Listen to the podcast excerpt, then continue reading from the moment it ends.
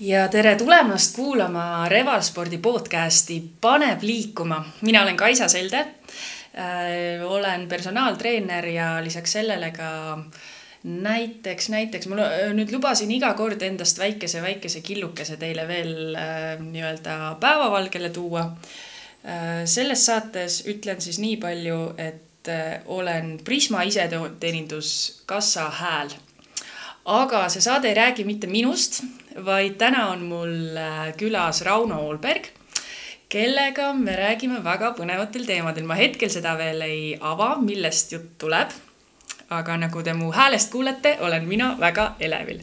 ütlen siia ette ka kohe ära sellise asja, et äh, ilma minu ja Rauno nõusolekuta, eriti hea oleks, kui see nõusolek oleks kirjalik, ei ole võimalust ega õigust mitte ühelgi kolmandal isikul ega ajakirjanikul meie saates öeldud sõnu siis tsiteerida ega omamoodi tõlgendada, kuna selle podcasti õigused on kaitstud. vot, aga lähme kohe asja kallale. Rauno, tere tulemast. tere. Ähm, kõigepealt äh, tutvusta ennast paari sõnaga. no ma tutvustan ennast siis ma olen Rauno. tere, Rauno. tere ja hetkel veel viimaseid kuid olen kakskümmend seitse. ja nüüd ma olen Revalis, äh, saab mul nüüd siis lõpeb, lõpeb nüüd teine hooaeg, kuigi põhimõtteliselt aasta jäi vahepeal vahele nüüd tänu nendele olukordadele. aga ma tegelen väga paljude asjadega, et ma tegelikult olen ka nüüd õppinud personaaltreeneriks ja siis äh, lisaks kõigele muule ma tegelikult igapäevaselt äh, tegelen nii-öelda toodete, toodete disainimisega. ehk siis kujundan pakendeid, eriti just siis nii-öelda toitlustusettevõtetele. ja mis seal salata, ma olen ka arendanud ise toidutooteid, mis on nii-öelda isegi parima toiduaine valimistel auhindu saanud. et ma olen sihuke hästi, hästi mitmekesine inimene ja siis hariduselt ma olen tegelikult fotograaf ja siis, mis, mis veel, et ma tegelen hästi paljude asjadega, et nüüd hiljuti tuli mul ka oma Youtube'i kanal välja, Raw Taste. ja seal ma siis õpetan inimestele, kuidas süüa teha. appi kriivsilm ja tema äh, sada ametit ja sinu puhul rohkem. no see on ainult see basic praegu.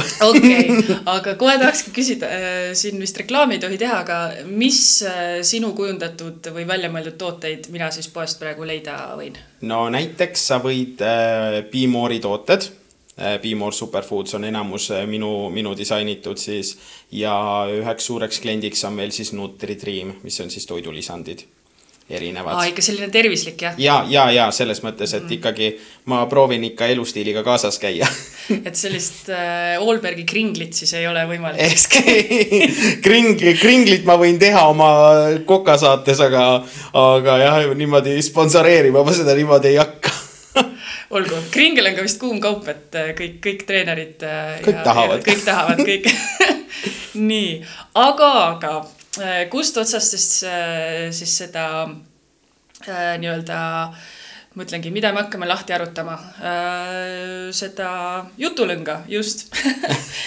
et äh, sina tegid läbi sellise toreda või noh, ma ei tea, kohe kuuleme, kui tore see on, sellise väljakutse nagu äh, fit to fat to fit ähm,.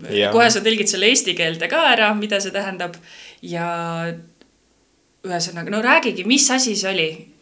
no tegelikult, ähm, tegelikult see on siis põhimõtteliselt see, et kui äh, eelmine lockdown tuli, eelmise aasta kevadel, siis noh, seal oli ju näha, et äh, midagi ei vaibu ja seal on nagu korralikult sihuke päris pikalt tuleb sihukest ise, isekeskis aega.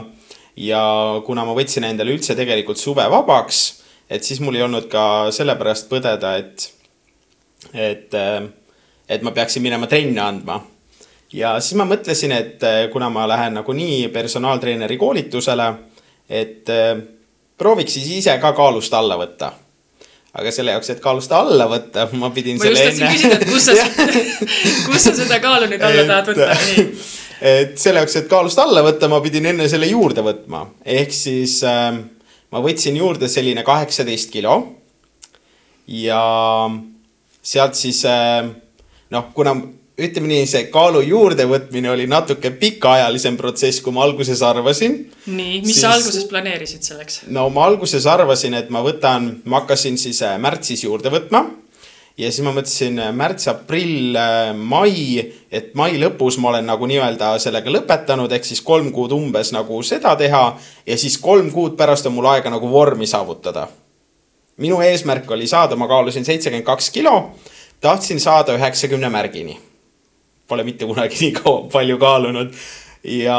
ja seda siis puhtalt rasva arvelt. jah, just mm, -hmm. just, et alguses ma tegin trenni, eh, nii-öelda trenni ka, et päris venitusarme ei tekiks, et kohe nagu paisuma ei hakkaks. ja lõpuks ma pidin trenni tegemise nagu üldse ära lõpetama, sellepärast et see kaal ei tõusnud lihtsalt nii kiiresti, kui oli vaja. kuigi noh, ütleme niimoodi, et kui sa mõtled sihuke cheat day'le või midagi, siis sa mõtled, et sa elad nagu unistuses, aga lõpuks, kui sa sööd kogu aeg niimoodi, et kaalust tõsta, siis see ei ole nagu väga positiivne. et äh, tegelikult ma ütlengi ausalt, et see noh, kaalu ju,, kaalust juurde võt- või nagu kaalu juurde võtmine oli väga raske tegelikult minu jaoks sellepärast, et sa näed ise kogu aeg, kuidas see nagu sinu pilt muutub ja see, kuidas kogu aeg muutub. ja siis sa tunnedki ennast nagu ebamugavalt kogu aeg ja siis mul hakkas ülipalav, sellepärast et suvi tuli ka et äh, lõpuks oligi see, et ma sain äh, selle üheksakümmend kilo alles juuliks kätte. et seal oli juuli nüüd, kas see oli juuli teine või kolmas nädal, kui ma sain selle ära lõpetada. ehk siis ma sain uuesti hakata trenni tegema, toituma normaalselt. ja siis mul oli nii-öelda kaheteist nädala asemel, mis ma alguses planeerisin alla võtta, oli mul aega seitse nädalat appi ja siis ma olin nagu okei okay,, no päris alguskaalu ma enam tõenäoliselt nagunii tagasi ei jõua. aga siis ma võtsin selle seitsme nädalaga nii-öelda kümme kilo alla. et noh, muidugi nii-öelda isetegijatele ja teie, kes kuulate, siis see katse ei ole kodust järgi tegemiseks. et aga jah, noh, selles mõttes noh, tervis oli selles mõttes korras, mul olid testid enne tehtud, mul olid testid peale seda tehtud. et kõik oli nagu korras, aga no ütleme niimoodi, et teist korda enam ei teeks siin äh, ma loodan, et keegi meid ikka veel kuulab, et kui äh, naisterahvad kuulavad, kuidas meesterahvas ütleb, et nii raske on kaalus juurde võtta, siis mina ka seda podcast'i edasi rohkem ei kuulaks. aga olge ikkagi vaprad, kuulame edasi. et äh, kustkohast sul see mõte üldse tuli? ütlesid, et tuli lockdown on ju mm -hmm. ja niikuinii pidi kodus olema, aga no tegelikult, eks ta tuligi äh, see äh, Kanal üheteistkümnes või kuskil on see saade ka, mis on, ma ei tea, mis see oli, vormi, vorm, ei trimmi, trimmi seda... paksuks mm, -hmm. trimmi või mingi, mingi sihuke saade, no oligi põhimõtteliselt Fit to fat to fit oli nagu inglise keeles, ma ei mäleta, mis eesti keeles oli. ja siis nagu vaatasime emaga seda saadet samal ajal. ja siis ema, ema ütleb, et noh, teed järgi või? siis ma olin nagu, miks ma järgi pean tegema? siis ta oli nagu, no ma ei tea, sa teed kõik asjad järgi, mis sa arvad, tunduvad lahedad. ja alguses ma mõtlesin, et ta teeb nalja, aga mida rohkem ma ise sellele mõtlema hakkasin, seda rohkem mulle tunduski, et nagu hmm, aga tegelikult see tuleb mulle tulevikus raudselt kasuks. et jaa, noh, davai, teeme siis järgi. ja ema käskis ei, ema ei käs-, ei no ema, ma arvan, tegelikult suht lõõpis, aga kui ta lõpuks nägi, kui nagu priskeks ma läksin, siis tal oli nagu. kuule, sa, sa, sinuga on midagi juhtunud või? või nagu, mis mõttes? no sul on nagu, ma imiteerin praegu kõhtu kätega, onju, et äh, näitas, et sul on natuke siia midagi tekkinud, siis ma olin nagu aa, tegelikult või, ega ma ise ei teadnudki, onju. et nagu see oligi nagu, see oli nagu jah, see, see oli nagu selles mõttes naljakas. aga noh, eks selles mõttes tegelikult, mida ma veel selle nii-öelda katse puhul nägin, oli see, et ega ma alguses seda ei reklaaminud et mul oligi see, et ma lihtsalt hakkasin kaalust juurde võtma, vähe, väga lähedased ja vähesed sõbrad teadsid, et ma üritan seda teha ja kuna ma ei teadnud, kaugele see jõuab, siis ma ei rääkinud sellest rohkem nagu nii-öelda avalikkusele ega noh, kellelegi ei rääkinud sellest. ja kui ma lõpuks sain kaalu, kaalu täis, siis ma sain nagu nii-öelda näidata seda kaalu. siis ma rääkisin, mis selle taga oli, aga tegelikult, mis enne seda juba oli, see oli nagu, no see pani mind päris nagu, see pani mind mõtlema. mis mõttes enne seda? Et äh, kuidas inimesed suhtusid sellesse. sellepärast, et kui nad ei teadnud, mis toimub, siis äh, noh, see oligi nii-öelda nagu minu jaoks see, et ma ei rääkinud neile, see oli mu enda otsus. see oligi see, et ma tahan nii-öelda kõike nii võtta, nagu on, on ju, et ka nendele, kes on ülekaalulised, mida nemad tegelikult tunnevad. ja tegelikult ma ei tundnudki, et see nii-öelda füüsiline pool oleks nii raske olnud, vaid pigem just see vaimne pool. et äh, see oli noh mul on natuke Instagramis nii-öelda jälgijaid ka. ja kõige hullem oligi see, kuidas Instagramis inimesed hakkavad kirjutama, et kuule, sa oled paksuks läinud. mis sul viga on, et sa trenni ei teegi enam või? et kas, mis sul nagu viga on, on ju. ja selliseid kirju hakkas no, noh, ma ei, ma ei saaks öelda, et neid palju tuli, aga neid tuli piisavalt. ja siis ma mõtlesingi, et issand jumal ja no okei okay,, no mina olen nagu selles mõttes ennast ette valmistanud selle jaoks, ma tõenäoliselt arvasin, et midagi sellist tuleb.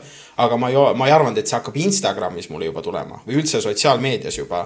et ma nägin seda nii-öelda reaalses elus, kui ma sain sõprade-tuttavatega kokku, on ju. samamoodi mu ema ütles mulle juba, on ju, vanaema ütles, on ju. ja vanaemad on ju alati sellised, et jumal küll, sa oled liiga peenike. lõpuks ta ütles, et kuule, sa oled palju süüa vist saanud, et minu juures ei pea käimagi enam, on ju aga noh, see oli kõik naljaga, aga ma mõtlen just see, kui äh, suur osakaal tegelikult võib äh, nii-öelda mõjutada inimest, mis toimub online'is. et ma enne tegelikult sellest aru ei saanud. üks osa on muidugi see, mis sa näed, mis seal toimub, et on need ilusad pildid, kes teevad või nagu on need inimesed, kes teevad trenni aga teine osakaal on see, kui inimene tulebki sind personaalselt ründama, ilma et ta tegelikult teab, mis sul viga on. et mina tegin jah, selle katse täiesti teadlikult, on ju, aga miks on vaja öelda inimesele midagi sellist, mille üle tal võib-olla ei olegi nii-öelda otsest kontrolli.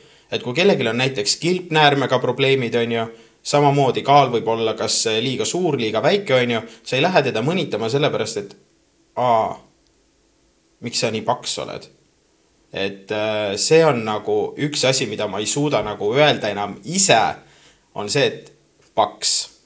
et sa oled paks või see inimene on paks nüüd ongi see, et kui ma ütlen, et kas ülekaalulisem või midagi sellist, aga paks on, äh, nüüd ma sain ise aru, et tegelikult see nii-öelda, see ei ole sõimamine, aga sa noh, sa ütled, kui sa ütled inimesele paks, siis see juba nii-öelda on ise nagu halvustav mm. -hmm. ja nüüd ma sain nagu ise sellest aru, et see on nagu väga positiivne asi nagu mulle kui treenerile, et ma tean, mida see inimene tunneb ja mida see inimene võib ka kogeda nii sotsiaalmeedias, mida ta reaalses elus äh, nii-öelda võib äh, kogeda.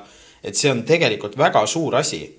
et ma ei arvanud tegelikult, et see asi nagu nii hulluks võib minna. et noh, ütleme nii, et mina olin seda mina olin ennast selle jaoks nagu ette valmistanud, sellepärast võib-olla see nii, nii palju mind ka nii-öelda ei haavanud, aga tegelikult see on päris jube ja inimene, kes võib-olla ise üritab võidelda kehakaaluga ja kellel on niigi raske ja keegi tuleb veel ütlema ka, et ah, kuule, sa oled paks, onju või tuleb trenni, on ju, sa ütled talle, et ta on paks. see on juba positiivne, et ta trenni tuli. miks sa teed teda sellepärast maha, et ta trenni tuli? see on väga suur samm ja see on algus sellele, et tema saab endale ka nii-öelda, enda nii-öelda elukvaliteeti muuta. aga see, kui sa ütled inimesele, et aa, kuule, sa oled ülekaaluline mm -hmm,, okei okay., et noh mul oli muidugi see ka, et kui ma hakkasin uuesti trenni tulema või tegema, siis ma tulin ju Revalisse ja noh, eks siin ikka oli mul tuttavad inimesed juba ees, onju. ja noh, mõned ka niimoodi naljaga näitasid, et kõhuke, kõhuke ees, onju. et noh, siis ma olin nagunii juba rääkinud sellest Instagramis ka ja enamus olid juba näinud seda. aga noh, oligi nagu see, et äh, see esimene trenn uuesti. vot see oli raske.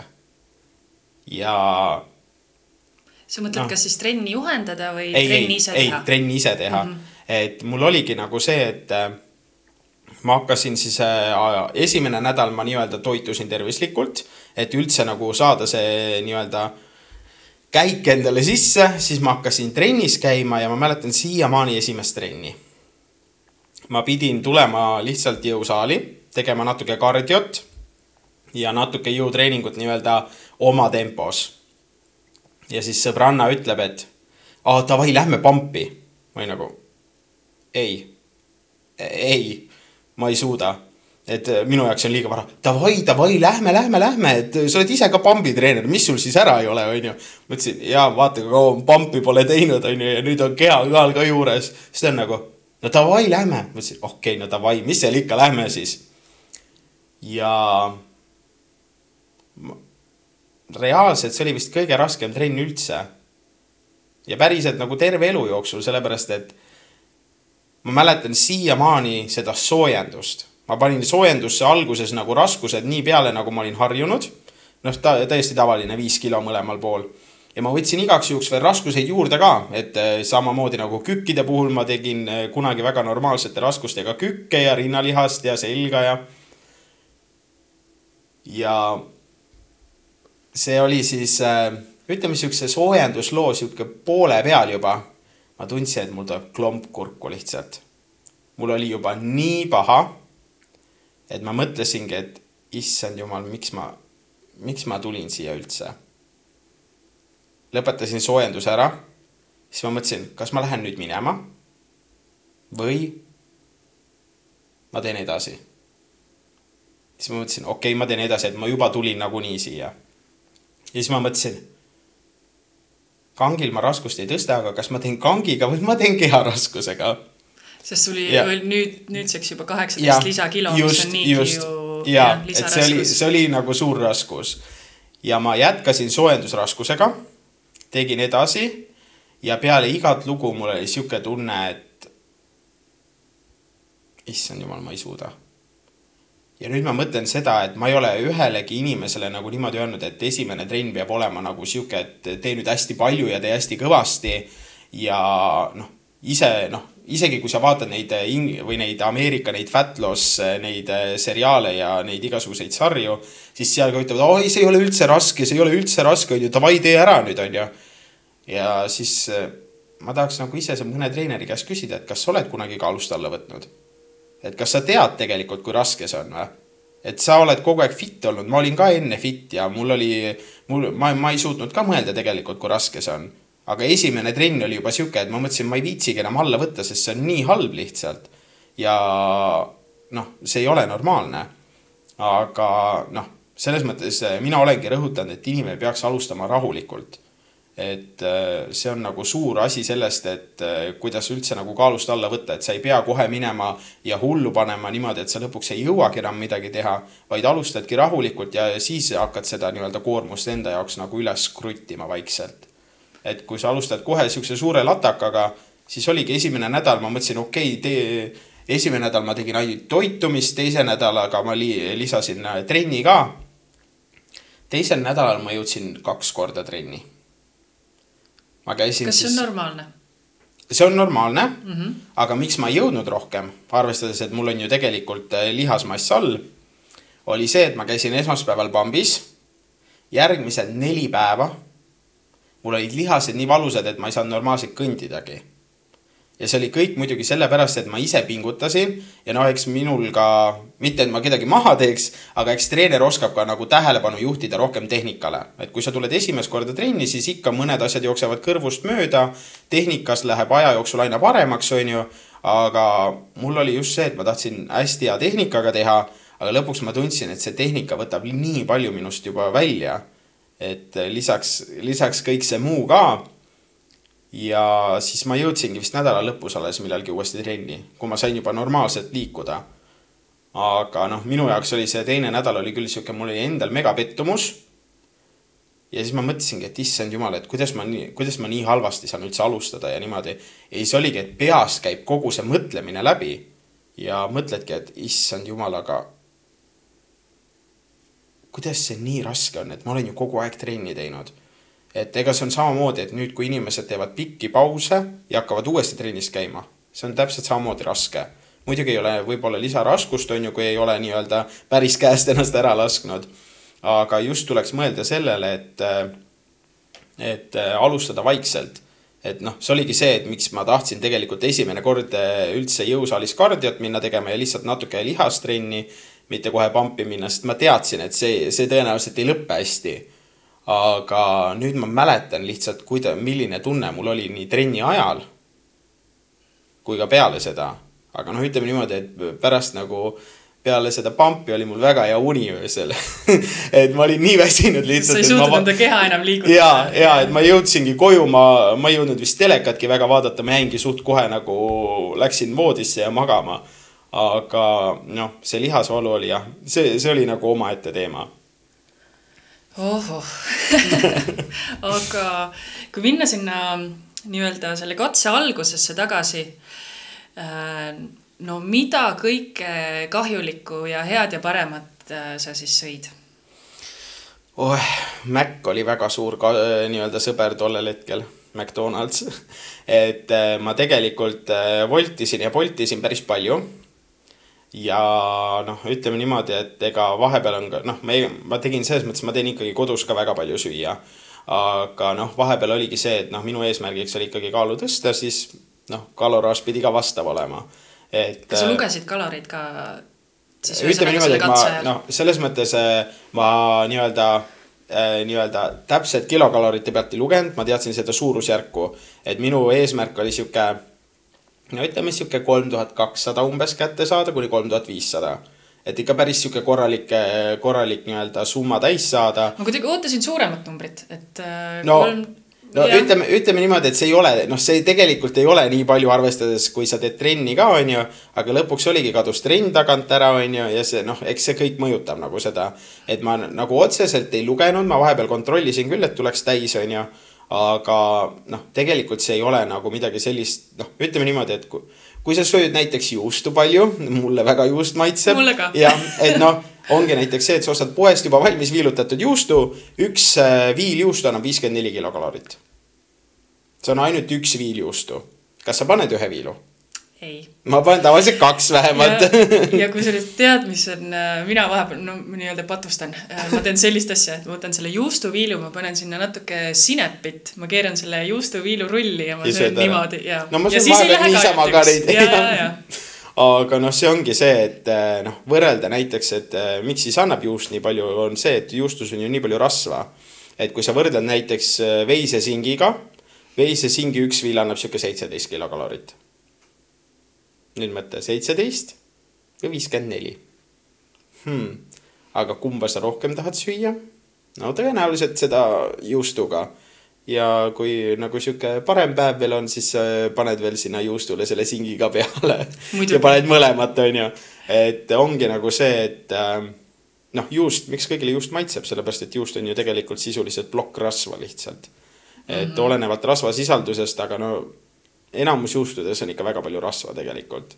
samas äh, juustus, ma ei tea, nüüd äh, kuulajad saavad mind äh, parandada, kui ma eksin, aga oli mingi uuring, kus juustus on sama sellist nagu heaolu tekitavat ainet, nagu on šokolaadis mm. -hmm. et sellepärast ka inimestele juust meeldib, et ta tekitab sellise nagu heaolu tunde. no eks see tegelikult sisust või nii-öelda kuidas ma ütlen, see nii-öelda seostub tegelikult ka rasva tarbimisega. et rasv ise juba tegelikult nii-öelda sellele aju mõnutsenterile annab siukse korraliku kiki, et tegelikult eh, noh, inimesed on ju oma loomuselt tegelikult noh, omnivoorid, et söövad nii taimseid kui loomseid asju, on ju.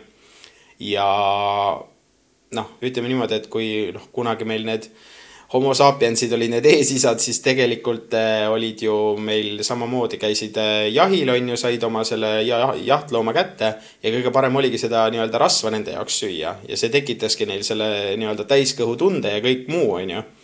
et äh, noh, eks kõik makrod ole olulised, aga noh, peab vaatama lihtsalt, millises koguses neid tarbida et kui ja. mina võtsin juurde, siis suur, suur osakaal läks ikkagi sellele, et rasva palju saada ja süsivesikuid aga kui palju sa ennem äh, selle katse algust siis ennast toidu suhtes piirasid? et nii, mul on nüüd äh, ma ei tea, see, mida ma ei söö mm, -hmm. see, mida ma kindlasti juua ei tohi, peale kella, seda kella ma kindlasti ei söö ähm, teen üldse neid mingeid paastupäevi ja nädalaid ja kui palju sa nagu enne selle katse algust äh, jah, sellele kõigele mõtlesid, toitumisele just?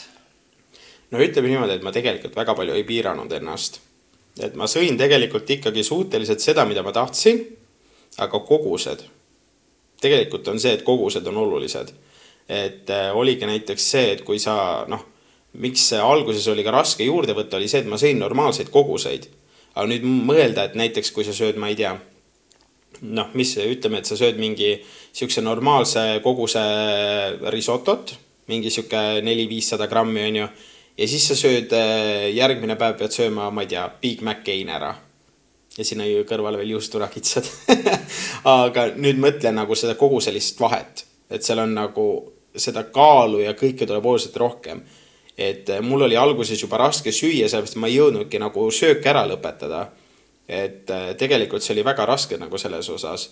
aga nii-öelda nagu normaalses elus ma tegelikult ennast väga ei piiranud. et äh, noh, ütleme niimoodi, et ikka sõpradega, kui veini ju, jõime, siis mul ei olnud see, et okei okay,, ma joon ühe klaasi, et ma rohkem ei saa, onju. et äh, selles mõttes elu on ikkagi elamiseks. ja see, et sa piirad ennast igapäevaelus, see ei ole nagu jätkusuutlik et kui sa piiradki ennast igapäevaselt, siis lõpuks on see, et sul kaob kontroll kõige selle üle, mis on nagu nii-öelda, mis hoiab sind inimesena. et kui sa söödki iga päev riisi ja kuiva kana, on ju, siis no, no see ei ole ju elu.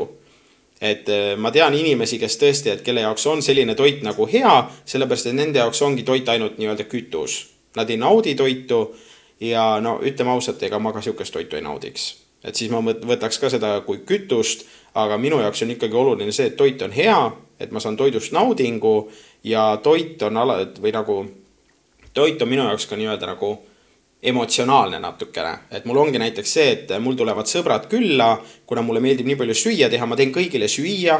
alati ongi see, et me saame mingi kokku ja kõik tulevad, nad teavad, et nad ei pea midagi kaasa võtma, Rauno on kõige eest juba nii-öelda niimoodi hoolitsenud, onju ja see on tegelikult väga emotsionaalne ja see ongi see, et äh, see annab sulle ka selle heaolutunde, et sa ei peagi nii palju sööma tegelikult.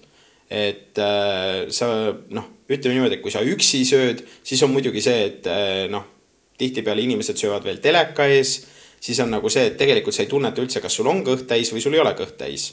et kas sa sööd siis igavusest või sul ongi see, et sa lihtsalt ei, sa ei nii-öelda ei kuula oma keha et eks lõpus ütleme niimoodi, et kui mina võtsin selle kaalu nii-öelda omal täis, siis peale seda normaalsete koguste peale minna, ma mõtlesin, et on raskem.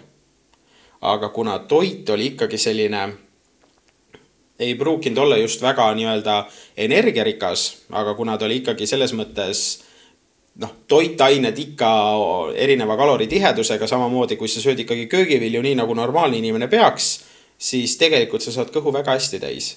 ja kõik eh, kiudained, eh, süsivesikud, rasvad, proteiin, mis sa saad sellest kogu toidukorrast, see täidab su kõhtu oluliselt paremini kui see üks Maci eine.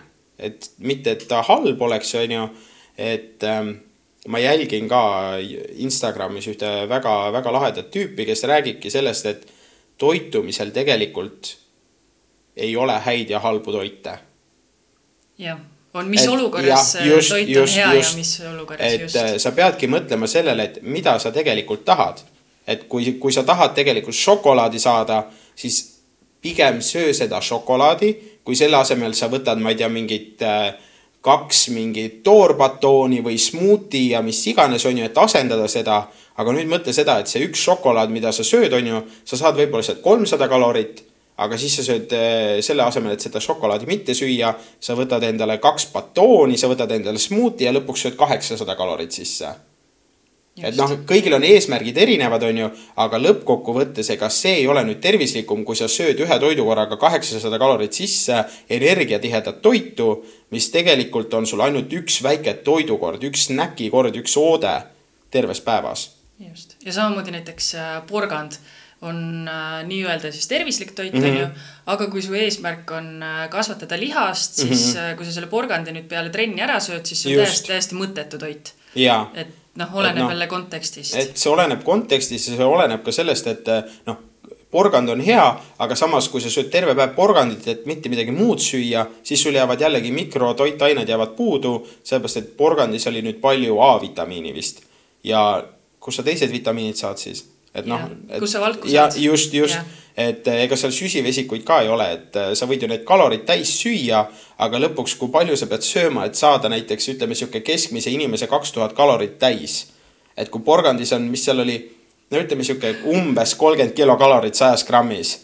no mul praegu aju väga ei funka, et peast arvutada, aga no ütleme niimoodi, et see on ikka päris, päris mitu head kilo, vaata. peab olema porgandisponsor kusagilt võtta. Kadarpikule tuleb kirjutada kiri, et kuule, ma hakkan jäneseks nüüd. Sihuke, ehk siis ühesõnaga ma nii üritasin sinust välja pressida seda, et no mis on sinu see patutoit, et, et kui sa seda ähm, katset hakkasid tegema, et siis tekkis sihuke jess, ma saan nüüd pitsat süüa või ma saan nüüd Macis käia või ühesõnaga sellist ja, asja siis üldse ja. ei olnud ei, oli, oli, oli, ei, selles mõttes ma üldse nagu, ma räägin, et ma ei vältinud tegelikult neid toite. et lihtsalt nagu see oli see, et kui ma hakkasin kaalust juurde võtma, siis neid toite tuli oluliselt rohkem et mul ei olnud ju tegelikult vajadust, ma ei kujutaks ette, kui ma iga päev sööks äh,, iga päev sööks, ma ei tea, sihukest kiirtoitu või ma sööks isegi kaks või kolm korda päevas kiirtoitu. et see on ikkagi minu jaoks sihuke, see tundub veits minu jaoks liiga palju. et noh, see iga normaalse inimese jaoks see võiks tunduda palju, aga ma räägin, et ma ei ole ennast elus nagu selles mõttes kunagi piiranud et äh, kui sa teed normaalselt trenni, sa liigutad, käid jalutamas, mis iganes, sa tegelikult ju kulutad enamus selle ära ja kui sa arvestad ülejäänud päeval ka, mis sa söönud oled, siis see ei ole ju halb. Et kui sa võtadki nüüd selle, et äh, ma võtan nüüd selle ühe Big McCain'i onju ja võtad, no oletame, et sa teed hea valiku, nagu mina enamasti teen, ma võtan Sierro ka, sest mulle maitseb Sierro rohkem ka siis äh, tegelikult on ju see, et sa saad sealt äh, süsivesikuid, sa saad sealt rasvu, sa saad sealt valku. rasvu on muidugi oluliselt rohkem, olenevalt, mis heine sa võtad ja mis nii-öelda selle kõrvalosa sa võtad, et sa võid friikad ju salatiga ka asendada. Aga tegelikult on ju see, et kui sa ülejäänud päeva sööd nii-öelda normaalselt, et sa suudad jääda sinna kaloraaži, siis see ei ole nii halb et kui sa paar, ütleme näiteks nädalas korra endale Maci lubad, see ei ole mingi sihuke asi, et issand jumal, nüüd on kõik plaanid läinud, ma suren maha, ma võtan kaalust juurde, ma lähen paksuks. et see noh, see ei käi ikka nii kergelt, et sa pead ikkagi järjepidevalt nii-öelda kaloraaži tõstma selle jaoks, et ikkagi juurde võtta. Et see ongi see, miks ma, miks mul lõpuks see, see juurdevõtmise osas nii palju osa kuulus sellele rämpstoidule. et eh, tegelikult see kaalu juurdevõtmine ei ole ka nii kerge, et äh, jah hetkel paljud kuulajad vist äh, seavad vaikselt enda samme kiirtoidurestoranide poole. sest sa teed selle kõik kuidagi nii ahvatlevaks või nii, või noh, et see on okei okay, no,, aga see ongi okei okay,. see on okei okay,, et selles mõttes inimene ei saa ennast piirata. Et äh, lõpuks ütleme niimoodi, et kui sa eladki ainult selle porgandi peal, siis see noh, ma räägin, väga suur osa ongi toidus on ju samamoodi, et rahuldada oma isusid et see inimene teeb ikkagi seda, et rahuldada oma isusid, kui sa lõpuks söödki ainult porgandit, sa tahad millegi muuga seda kompenseerida. ja näiteks ütleme, kui sa tunnedki ennast süüdi nüüd sellest, et sa käid nüüd äh, Macis, okei okay,, ma lähen käin Macis ära, ma lähen kohe peale seda trenni. et ma võtan muidu juurde, ma võtan kohe juurde. Et see ei toimi ju niimoodi, sa pead järjepidevalt ka kaloreid suurendama, et juurde võtta. aga kui sa hakkad juba niimoodi mõtlema, sa paned oma psüühikale juba sellise põntsu nagu kirja et sa mõtledki seda, et okei okay,, ma sõin nüüd rohkem, ma lähen nüüd jõusaali, ma lähen jooksma, ma lähen teen äh, trenni, mul on vaja neid kaloreid endast välja saada. et kui sa niimoodi mõtled, sa paned endale ilmaaegu seda nii-öelda stressi peale ja stress ja tegelikult need hormoonid mõjutavad juba kehakaalu. et pigem üritagi lasta ennast natuke vabamaks, kui sa üks, üks kord nädalas, kaks korda nädalas toitud natukene teistmoodi kui muidu. kui sa muidu toitud tervislikult, siis on ju kõik hästi et äh, kui sa võtad, äh, ütleme nii, et kaks toidukorda, ütleme, et üks kord lähed kuskile välja, sööd, äh, ma ei tea, pastat, teine kord lähed välja, sööd noh, no ütleme selle pitsa siis ära, onju. Et aga kui sa ülejäänud nädala, nädalapäevad toitud kõik normaalsed, see kaks toidukorda ei mõjuta seda nii palju. ja arvestades seda, et kui sa teed trenni ka, siis pigem tunne elust rõõmu et äh, kui sa hakkadki ennast niimoodi piirama, sa jäädki endalt ootama kogu aeg seda, et kas kaal langeks või kaal langeks, ainult sa mõtledki sellele ühele asjale, sa juba hakkad stress, äh, keha stressi ajama. et pigem ära mõtle nii palju sellele, mis juhtub ja ära kaalu ennast iga päev, vaid pigem lasegi kehal toimetada nii-öelda omamoodi et kui sa mõtledki, et okei okay,, hommikul ma kaalusin nüüd ütleme viiskümmend üheksa kilo, õhtul lähed kaalu peale, peale Maci, issand jumal, ma käisin nüüd Macis. issand, ma olen nüüd nii palju juurde võtnud ja siis va, lähed kaalu peale, vaatad. oh my god, ma kaalun kuuskümmend üks kilo, ma olen kaks kilo nüüd juurde võtnud Maciga. siis arvestada sellega, et sa jood päeval, väga palju, enamasti kui sa jood juba kaks liitrit, siis see kaks liitrit on juba kaks kilo, on ju. pluss veel kõik teised toidukorrad, on ju.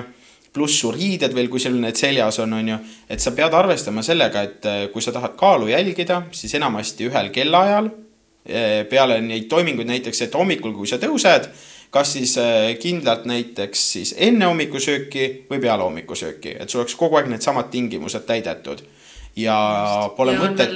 hormonaalne tasakaal ka, mis ka just. veel natuke seda Ja. kaalu mõjutab. eriti naistel just, jah jah. et äh, pigem ongi see, et ära kaalu ennast iga päev, jäta paar päeva vahele.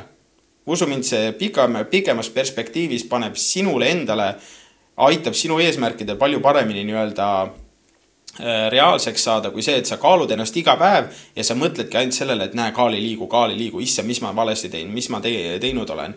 et äh, pigem lasegi nagu asjadel rahulikult kulgeda, et äh, näiteks kui mina võtsin kaalust alla ma meelega ei käinudki kaalu peal. ma käisingi ainult kord nädalas kaalu peal. mul oli alati esmaspäeviti ja peale trenni.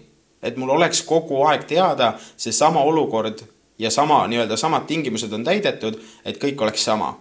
Sest muidu on jälle see, et kui ma üks päev mõõdan hommikul, teine päev mõõdan õhtul, siis automaatselt ma olen ühe nädalaga tegelikult juba kaks kilo juurde võtnud, sellepärast et ma ühel päeval mõõdan lihtsalt õhtul et arvestama peab ju sellega, et sa sööd ka ja kõik äh, toitained jäävad ju sulle sisse, vesi. et noh, tuleb, tuleb nii-öelda asjadega nii-öelda arvestada, et tegelikult ega väga paljud võib-olla isegi ei mõtle sellele. aga kui sa ikkagi midagi endale sisse sööd, siis see jääb ju sulle sisse, ega ta kohe välja ei tule. Et äh, jah see äh, mina ka soovitan nii-öelda mitte kaaluda, et mm. -hmm. ja ka veel see, et loomulikult kaalud on erinevad. Tuled kaalud jaa. siin spordiklubis näitab ühte mm. -hmm. kodus näitab teist, võib-olla tulen sulle külla, sul näitab üldse mingit sõbralikumat numbrit, et siis hakkangi sinu juures kaalumas ja, ja, ja aga mul Sama on nii-öelda sihuke nipp, et ma soovitan inimestel võtta siuksed nagu motivatsiooni, kas püksid või kleit või midagi sellist, kuhu nad tahavad Aa. äh, nii-öelda sisse mahtuda mm. Mhm. -hmm. või et nad vaatavad, et no see kleit võiks natuke paremini istuda mm Mhm. -hmm. ja siis sellest lähtuda, et kui tõesti on soov äh, nii-öelda alla võtta mm. -hmm. et sellega sa visuaalselt kohe näed, et aa, näed, see kleit nüüd istub mulle paremini, kui ta istus kaks kuud tagasi või et näed, need äh, teksapüksid, tahtsin öelda pruutkleit, see on alati, millesse tahetakse nagu taga Aga-, tagasi mahtuda või? pruutteksad, mis äh, pulmade jah. jaoks ostad endale kleidi, siis ostad kaks numbrit väiksema, et kohe tead, et siis on pe pead alla võtma, muidu ei saa pulma. just, täpselt. siit siis üleskutse, kõik noorpaarid ostke endale kaks numbrit väiksemad riided pulmade jaoks. just, või mees ostab äh, kaks numbrit väiksema sõrmuse, et see ei lähe siis, see teemant sõrmus ei lähe naisele ennem. Ennem siis ei, ei kosita, kui siis sõrmeke on ilus, selline pikk ja, pikk ja peenike koos. et mahub ikka sõrmus üle, üle näpuotsa. nii, issand, kui õelad me oleme täna, mulle meeldib.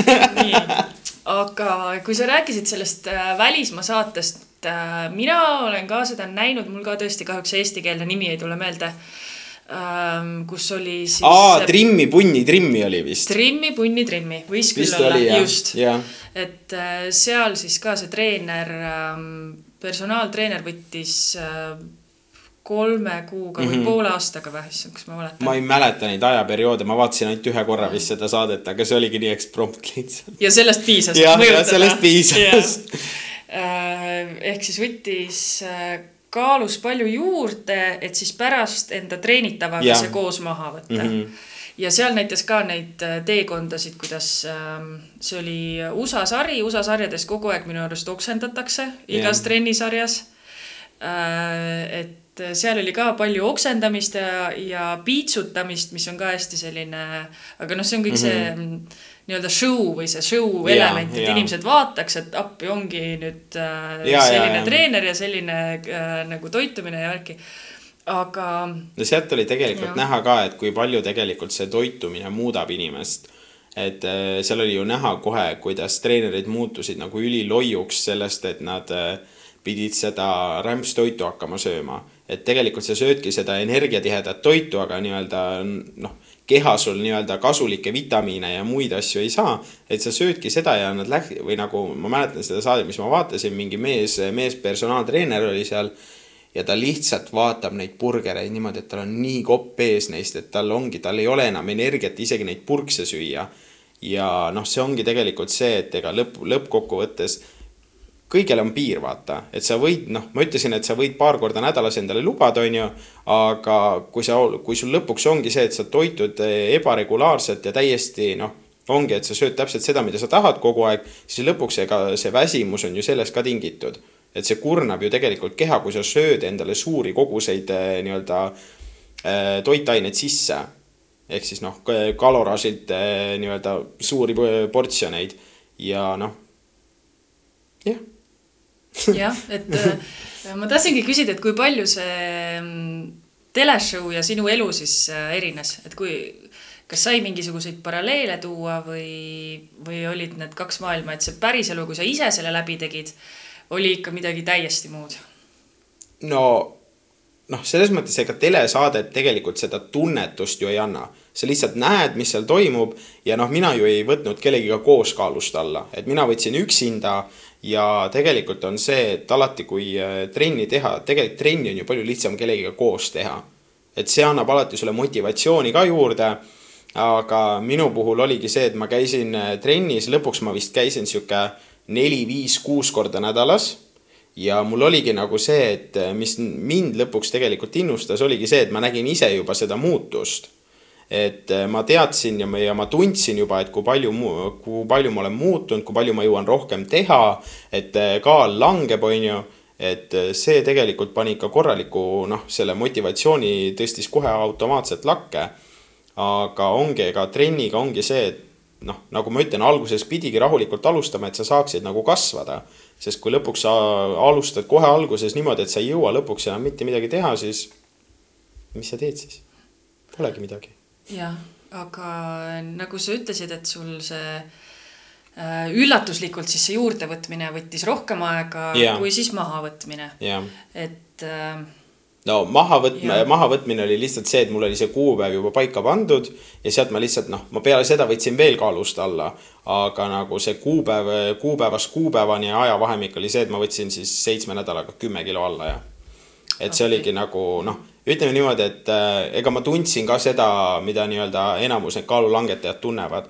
et lõpuks ongi see, et äh, alguses võtad ilusti alla, on ju. esimene nädal ma vist võtsin ühe kilo alla või sihuke pool kilo alla, midagi sihukest ja kõige rohkem ma võtsin vist teisel või kolmandal nädalal alla, kui ma võtsin kaks kilo alla. aga noh, see ongi see, et eh, noh, palju, liiga palju ei tohi korraga võtta, aga samas oli ka mõni nädal selline, kus ma peaaegu ei võtnud üldse alla. Ja siis ongi vaata see, et hakkan mõtlema, et aga mis valesti on mina muidugi tean, ma oskan vaadata, ma vaatasin oma toidulaua üle, natuke muutsin jälle vahekordasid, tõstsin natuke valgu kogust, vähendasin süsivesikuid ja kohe toimis, hakkas jälle kaal uuesti langema et äh, kui inimene ei oskagi nagu ise seda jälgida, siis tal võibki see raske olla, et sellepärast ongi hea personaaltreeneri juurde minna, kes oskab sul nii-öelda, kes oskab sinul selle plaani paika panna, et äh, sina saaksid võimalikult kergelt ja lihtsa vaevaga selle ise ära teha.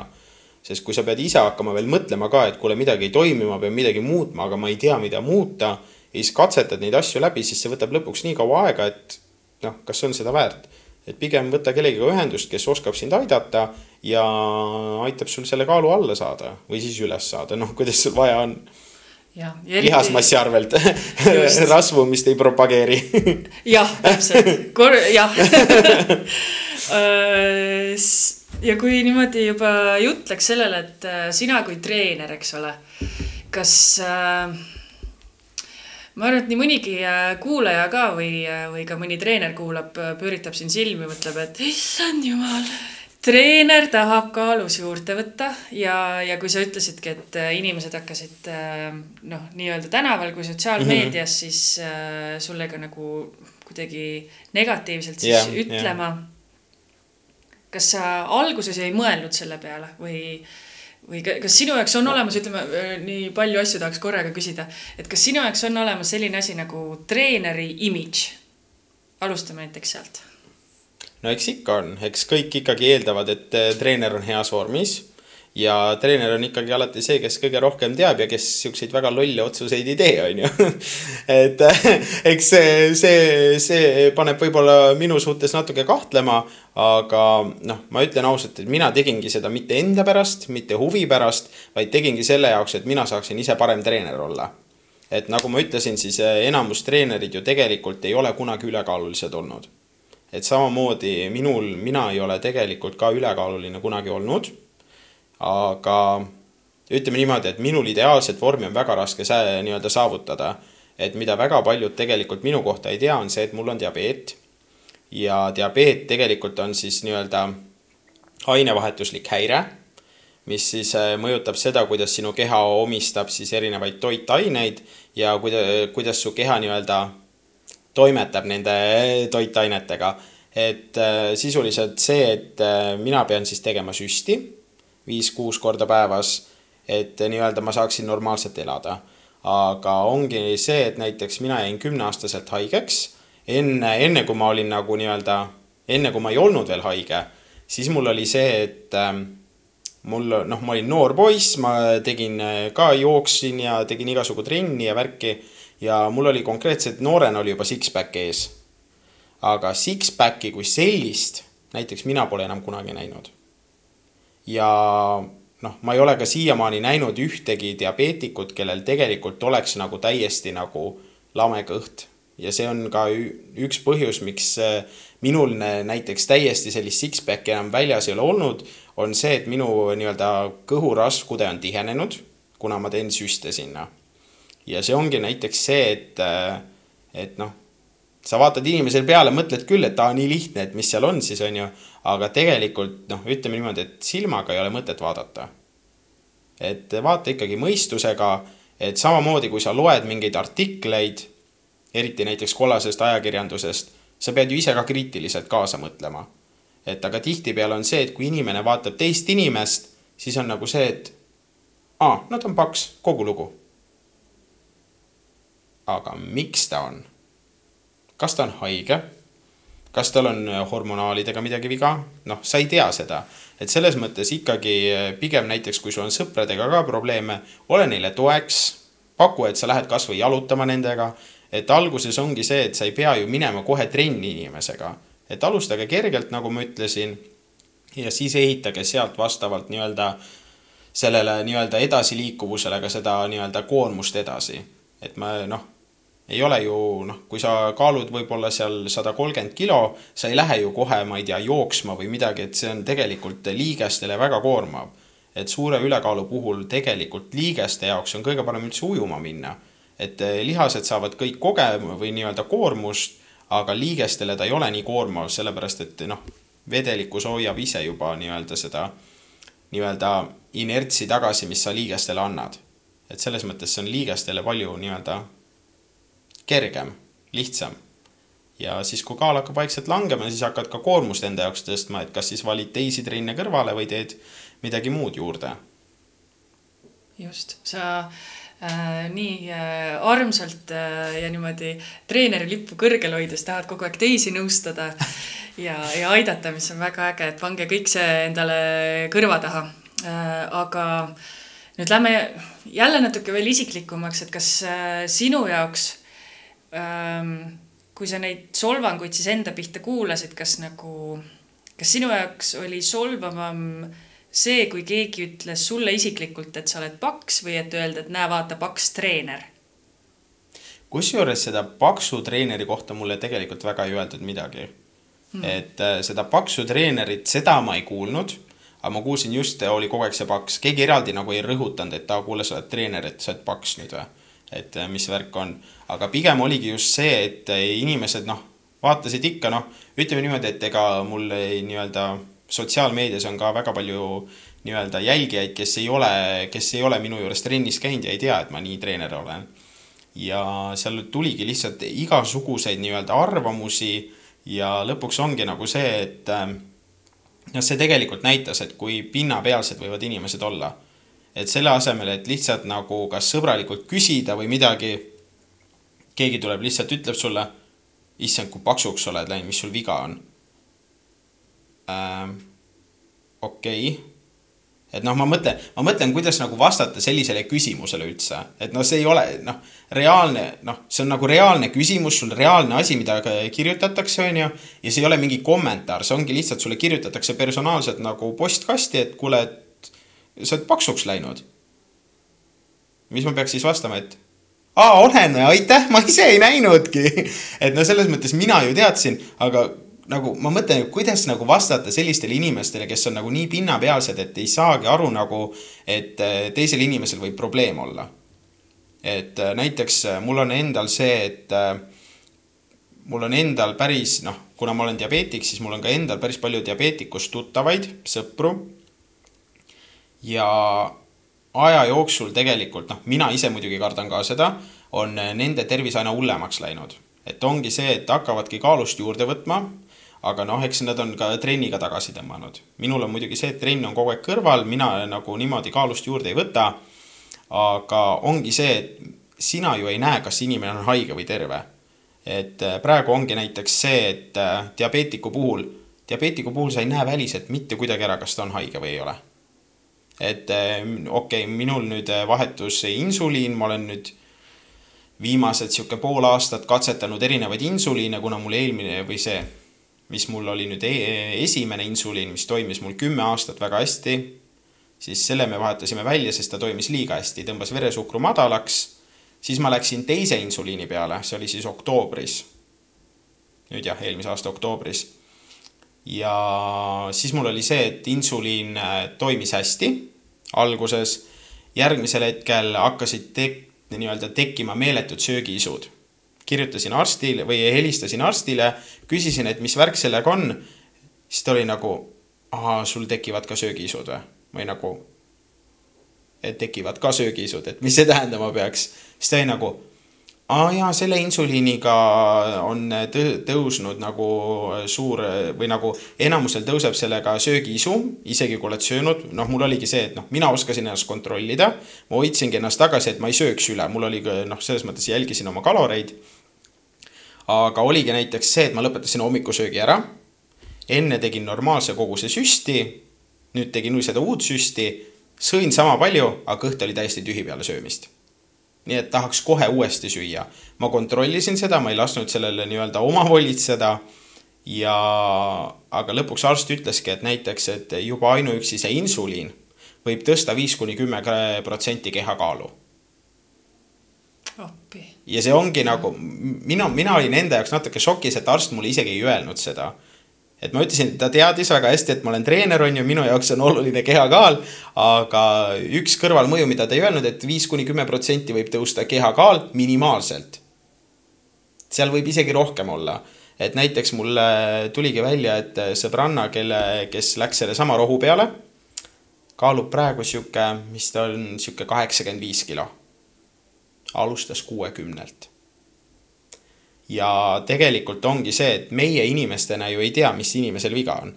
et äh, minu puhul näiteks see, et mul on seitseteist aastat diabeet olnud. mul siiamaani vahepeal, kui äh, teen süsti, siis äh, isegi sõbrad küsivad, nad lihtsalt unustavad ära. et see ongi see, et see ei ole midagi sihukest, mis sul on otse ette kirjutatud, et kuule, sa oled haige nüüd ja nüüd ongi see, siis ma, mina vahetasin lõpuks selle insuliini jälle kolmanda vastu ja nüüd selle insuliiniga on see, et kõik toimib. Aga tekivad allergilised reaktsioonid. nii et mul ongi, et ma teen praegu äh, reielihas või nagu rei, reide teen süsti, siis peale seda tekivad sinna laigud ja lähevad punaseks ja nii-öelda, nii-öelda kuumenevad veidikene arst ütles, et see ei ole hullu, et see ongi nagu tüüpiline allergiline reaktsioon aga vaatame edasi, et siis äh, kui see läheb hullemaks, siis äh, tuleb jälle uuesti ära vahetada. ja siis lõpuks ongi see, et aga millegi muu vastu enam ei ole vahetada, et kas me läheme nüüd selle eelmise peale tagasi või selle peale, mille pealt me hakkasime üldse vahetama. ja siis lõpuks oledki nagu, et noh, mis ma siis teen, on ju. aga see on ainult üks, üks haigus ühe inimese puhul. kui sul on kilpnäärme probleemid, sul on, äh, ma ei tea, liigesprobleemid, mis iganes et tegelikult haiguseid on nii palju ja see nagu, kõik see, mis välja paistab, see ei ole ju see, mis tegelikult toimub. Et äh, kui te kuulate mind praegu, siis ma tahakski rõhutada seda, et olge nagu mõistvamad. et äh, inimesed on erinevad, kõik inimesed on erinevad ja väga palju loeb ka see, mida sina teed või ütled kellelegi teisele. et äh, kui inimene tuleb ikkagi trenni, siis ta on tubli inimene ja ta on juba endaga nagu vaeva näinud ja ta näebki endaga vaeva, et tööd teha endaga. aga kui sa noh, oled jõusaalis, näed, et keegi ülekaaluline tuleb trenni, issand jumal, mingi paks tuli siia trenni, nagu mis asja, vaadake teda mis kasu on sellest väljaütlemisest?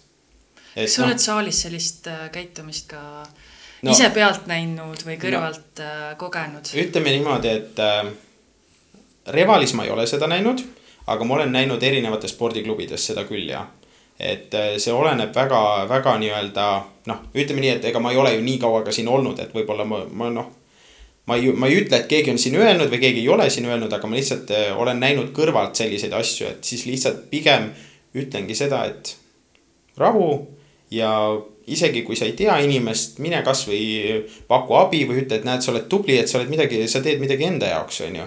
ja mitte nüüd niimoodi, et ah kuule, sa oled nii tubli, sa võtad nüüd alla, on ju. vaid olegi nagu siiras. et äh, samamoodi näiteks, kui sina tahad komplimenti saada, siis tee teistele ka vahepeal komplimente et üks, üks hea sõna päevas muudab kellegi päeva juba oluliselt paremaks. absoluutselt, väga õige äh,. nii, ma vaatan, meie see tund hakkab vaikselt-vaikselt äh, lõppema. nii palju tahaks veel küsida ähm,. aga, aga no ütleme, ma ajan sind siis äh, selle viimase küsimusega närvi, ma hoiatan sind juba ette vaidle mulle vastu äh, ja kõigile neile, kes äh, või noh, ma olen väga palju kuulnud sellist väidet, et kõik see diabeet ja suhkruhaigus, et see on elustiili haigus, et ise nad söövad nii palju ja üldse ei liiguta ja kui nad vähegi liigutaks ja seda suhkrut kogu aeg endal sisse ei topiks, siis nad oleksid täiesti tavalised, normaalsed, terved inimesed nii, ära mind nüüd löö, sest mina nii ei väida, aga. ei, ei, see on tegelikult hästi-hästi levinud äh, ar arusaam. aga tegelikkuses äh, on kaks tüüpi diabeeti. on insuliinisõltuv ja on siis nii-öelda teine tüüp, mida reguleeritakse tablettidega tablettidega reguleeritakse siis sellist, mis on tõesti elustiilist tingitud, et ongi suur ülekaal on äh, siis äh, see vähene liikumatu või äh, vähene liikumine ja noh, see toidulaud on nagu on, on ju. et see on tõesti nagu elustiili puhul, aga elustiili nii-öelda elustiili diabeeti siis ei haigestu keegi nooremalt enam juhul kui nelikümmend. et insuliini sõltuvad siis, kes peavad endale süsti tegema. Neil on ikkagi siis see, et kas on geenidest või on siis mingi geenimutatsioon et eh, noh, mina jäin kümneselt haigeks ja meie peres ei olnud mitte kellelgi diabeeti. ja siis arst ütleski, et näed, sina oled see õnnelik esimene, kes, kellele sattus siis selline geenimutatsioon, mis põhjustas sulle diabeedi. et noh, ma ütlesin ka, et enne kui ma haigeks jäin, tegelikult minul oli, noh, ma räägin, ma olin lapsena väga aktiivne ja mul oligi six-pack ees ja kõik oli jumala tore. aga jah, ütleme nii, et mina olen see õnnelik, kellel ei vedanud lihtsalt. et eh, noh genoom ju inimestel äh, muutub kogu aeg, et praegu ka koroona ajal ju tegelikult inimeste genoom muutub, et antikehadega toime tulla, et selles mõttes noh. kogu, see ongi pidev muutumine, et inimene suudaks nii-öelda kohaneda ümber, ümber oleva eluga siis. et noh, mõni, mõni sihuke muudatus läheb natuke vussi ja ongi kogu lugu et äh, kindlasti mitte see, et kui nüüd noor inimene on diabeedis, see ei tähenda nüüd see, et see on elustiili haigus ja noh, eks muidugi on see, et aa, tarbi seda ja tarbi seda ja tarbi seda, et siis on kõik palju parem. aga noh, ütleme nii, et ma võiks ükskõik mida tarbida, aga minul nagu see ei muudaks nagu mitte midagi. sest eh, noh, ütleme nüüd eh, niimoodi, et siis pankreases ehk siis eh, minu kõhuõõnes ehk siis see koht, mis toodab insuliini, pankreas, siis seal on beetarakud ja siis beetarakud hävivad siis kas mingi noh, kas siis selle geenimutatsiooni põhjal või siis mingi põletiku põhjal ja ongi lõpuks see, et noh, kui nad on hävinud, siis nad hävinevadki, neid juurde ei teki ja nemad toodavad insuliini, kui enam neid ei ole, siis ei ole ka insuliini kehas. et noh, see ongi õnnetus jah, nii et ühesõnaga, see ei sõltu sellest, kas sa sööd, sööd suhkrut või ei söö suhkrut või. just, just, et ja... noorena, noorena see ei mängi niimoodi rolli aga jah, kui sa oled juba sihuke vanem, ütleme noh, nelikümmend, viiskümmend, kuuskümmend, siis võib hakata, hakata tekkima see, eriti kui sul on suur kehakaal ja võib-olla sa tõesti ei liiguta väga ja võib-olla siis, kui sa tegeled sellise mitte kõige tervislikuma toidu harrastamisega. et sihukest palju magusat ja värki, aga muidu jah suur aitäh, Rauno. me nüüd äh, ühesõnaga ühesõnaga äh,, nagu näha, mul jääb äh, sõnadest puudu, siis äh, tahakski näha sind järgmine nädal uuesti mm. -hmm. Äh, seada enda sõnad äh, ritta, küsida sult äh, veel küsimusi. järgmises saates räägiksime rohkem ja spetsiifilisemalt siis toitumisest mm. -hmm. et sul on äh, nüüd mõlemad kogu kogemused äh, olemas, et kuidas siis ühtepidi ja teistpidi ja paneme need äh, kõik paberile ja vaatame, mis need kalorid meil kokku tulevad, et mida Just. süüa ja kui palju. Et jah, ma tänan ka ja et kui inimene, kui teil tekib küsimusi, siis Revalis näete mind, tulge julgelt juurde ja küsige, et, et ma, mul ei ole kunagi liiga kiire, et kedagi aidata. Jah, ja ärge siis keegi palun äh, Raunole öelge, et ta paks on, sest, sest seda ta tõesti ei ole